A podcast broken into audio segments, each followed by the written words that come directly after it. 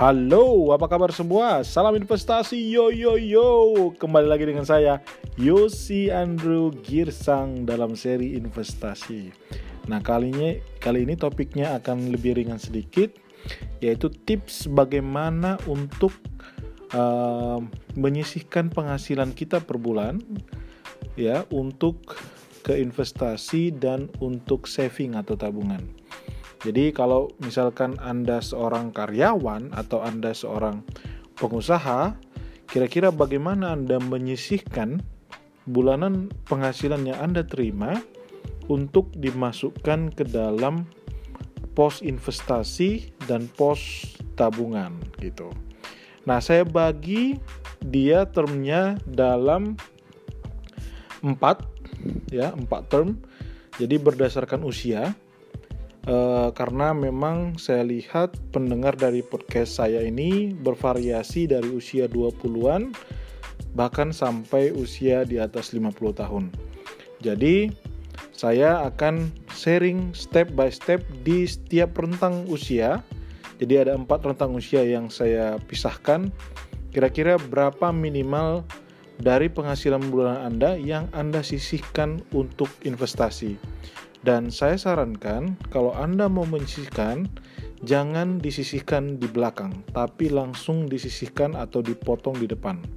Contohnya misalkan Anda gajian e, di tanggal 1. Berarti langsung di tanggal 1 sore itu bisa auto debit atau mungkin tanggal 2-nya itu langsung disisihkan sekian persennya untuk investasi dan untuk saving atau tabungan. Nah, kita mulai dulu dari rentang usia yang paling muda. Yang ini rentang usia yang baru masuk kerja ataupun baru awal mengawali karir ya, yaitu rentang waktu usia 20 sampai 30 tahun ya. Berapa sih dari penghasilan orang yang berusia 20 sampai 30 tahun berapa minimal yang disisihkan untuk investasi ya. Ini saya alami sendiri dan saya praktikkan dengan tujuan uh, saya uh, ingatkan dulu bahwa yang saya sharing ini lebih kepada praktik yang saya lakukan di mana profil resiko saya itu lebih ke moderat dan agresif. Jadi artinya kalau teman-teman pernah mendengar podcast saya sebelumnya itu saya kategorikan ada kategori sangat konservatif, konservatif, moderat, agresif dan sangat agresif. Itu adalah profil resiko dari tiap-tiap orang dan itu berbeda-beda ya. Kalau Anda masih sudah lupa bisa dicari lagi di podcast yang di bawah tentang profil resiko atau mungkin Anda juga bisa searching di internet untuk mengukur berapa apa sih profil resiko Anda. Nah, kalau saya di level moderat ke agresif tapi tidak terlalu agresif atau tidak sangat agresif. Jadi di usia 20 sampai 30 tahun itu disarankan untuk disisihkan 20% dari penghasilan bersih Anda. Contoh simpelnya ya, karena memang kita masih mengawali karir. Simpelnya mungkin penghasilan kita sebesar 10 juta supaya gampang menghitungnya. Ya, di rentang waktu 20 sampai 30 tahun usia kita uh, uh, penghasilan kita 10 juta, maka minimal yang kita sisihkan di awal ya sekali lagi di awal itu adalah 20% dari penghasilan bersih kita. Jadi dalam hal ini 20% dari 10 juta adalah 2 juta. Nah, dari duit 2 juta yang disisihkan di awal ini 10% itu bisa dimasukkan ke tabungan dalam bentuk saving ataupun mungkin uh, uh, tabung apa namanya yang bebas resiko tentunya pertumbuhannya juga mungkin cuma 0, cuma satu persen gitu ya.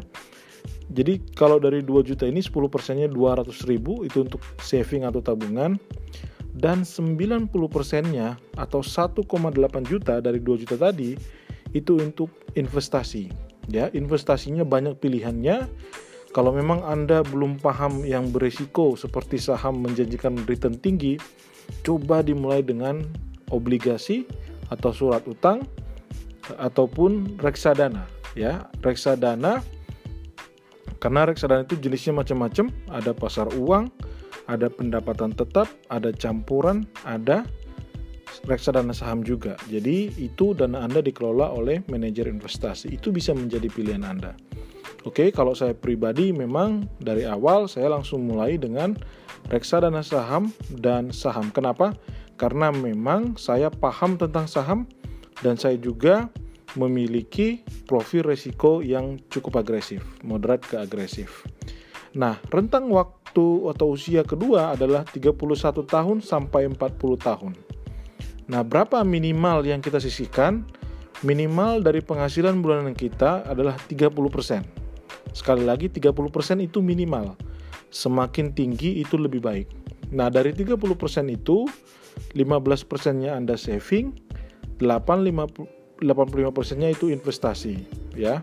Investasinya seperti apa? Kalau memang Anda tidak paham di saham, Anda bisa coba di obligasi, Anda bisa coba di reksadana. Kemudian rentang waktu yang ketiga atau rentang usia ketiga 41 sampai 50 tahun. Ya, itu minimal yang Anda sisihkan di awal untuk investasi adalah 40% dari penghasilan Anda setiap bulannya. Ya, 40%-nya di mana dari 40% itu Anda bagi 20%-nya untuk saving dan 80%-nya investasi. Ya, tentunya Eh, kenapa ini setiap rentang waktu minimum investasinya atau minimum yang disisihkan untuk investasi dan saving lebih tinggi? Karena secara logika semakin karir kita lebih baik, tentunya penghasilan kita pun semakin besar kalau kita sebagai karyawan atau kalau kita berbisnis mungkin bisnis kita juga lebih baik atau lebih besar dibandingkan ketika saat kita memulai di usia yang muda. Nah, rentang waktu yang terakhir itu bisa di 51 sampai 55 atau 60 tahun. Ya, kenapa sampai 55? Karena biasanya karyawan swasta terutama itu pensiun di usia 55 diusahakan dalam lima tahun terakhir sebelum Anda uh, mungkin uh, pensiun itu minimal 50% dari penghasilan Anda Anda sisihkan untuk investasi dan saving di mana pembagiannya adalah 25% untuk saving dan 75% untuk investasi. Tentu semakin tambahnya usia kita, investasi yang kita pilih bisa berupa resiko rendah seperti obligasi atau reksadana dana Anda dikelola oleh manajer investasi atau orang profesional kalau memang Anda hendak memilih resiko yang lebih bisa Anda kontrol. Jadi begitu. Jadi semakin tambah usia kita ya, Coba dicek lagi seharusnya semakin besar yang bisa kita sisihkan untuk investasi. Jadi bukan tambah usia, bukan jadi justru makin banyak keinginannya. Ya, kebanyakan yang terjadi adalah tambah usia, tambah penghasilan tapi savingnya segitu-segitu aja. Bahkan tidak tidak tidak persentasenya tidak bertambah. Jadi misalkan pada waktu kerja usia 20-an penghasilan 10 juta ya kan kemudian disisihkan 20% 2 juta. Eh begitu sudah usia 50 tahun savingnya juga sama 20% nah ini kalau bisa bertahap setiap rentang usia 10 tahun tadi savingnya naik ataupun saving dan investasinya naik eh, 10% setiap tahunnya. Minimal minimal. Akan lebih bagus lagi ya. Artinya Anda bisa memanage supaya Eh, kebutuhan dan keinginan semakin kita tambah usia itu semakin bisa dikontrol. Kenapa? Karena pada akhirnya ketika kita pensiun, mungkin pensiun karena e, secara fisik juga tidak memungkinkan untuk bekerja, di situlah dibutuhkan yang namanya passive income, yaitu kita hidup dari investasi kita. Jadi kita hidup dari passive income yang investasi yang sudah kita kumpulkan semenjak kita berkarir dari awal di usia 20 tahun 30 tahun. Jadi eh, ini bukan rumusan yang pakem, rumusan yang harus diikutin. Ya kalau bisa ini nilai minimum.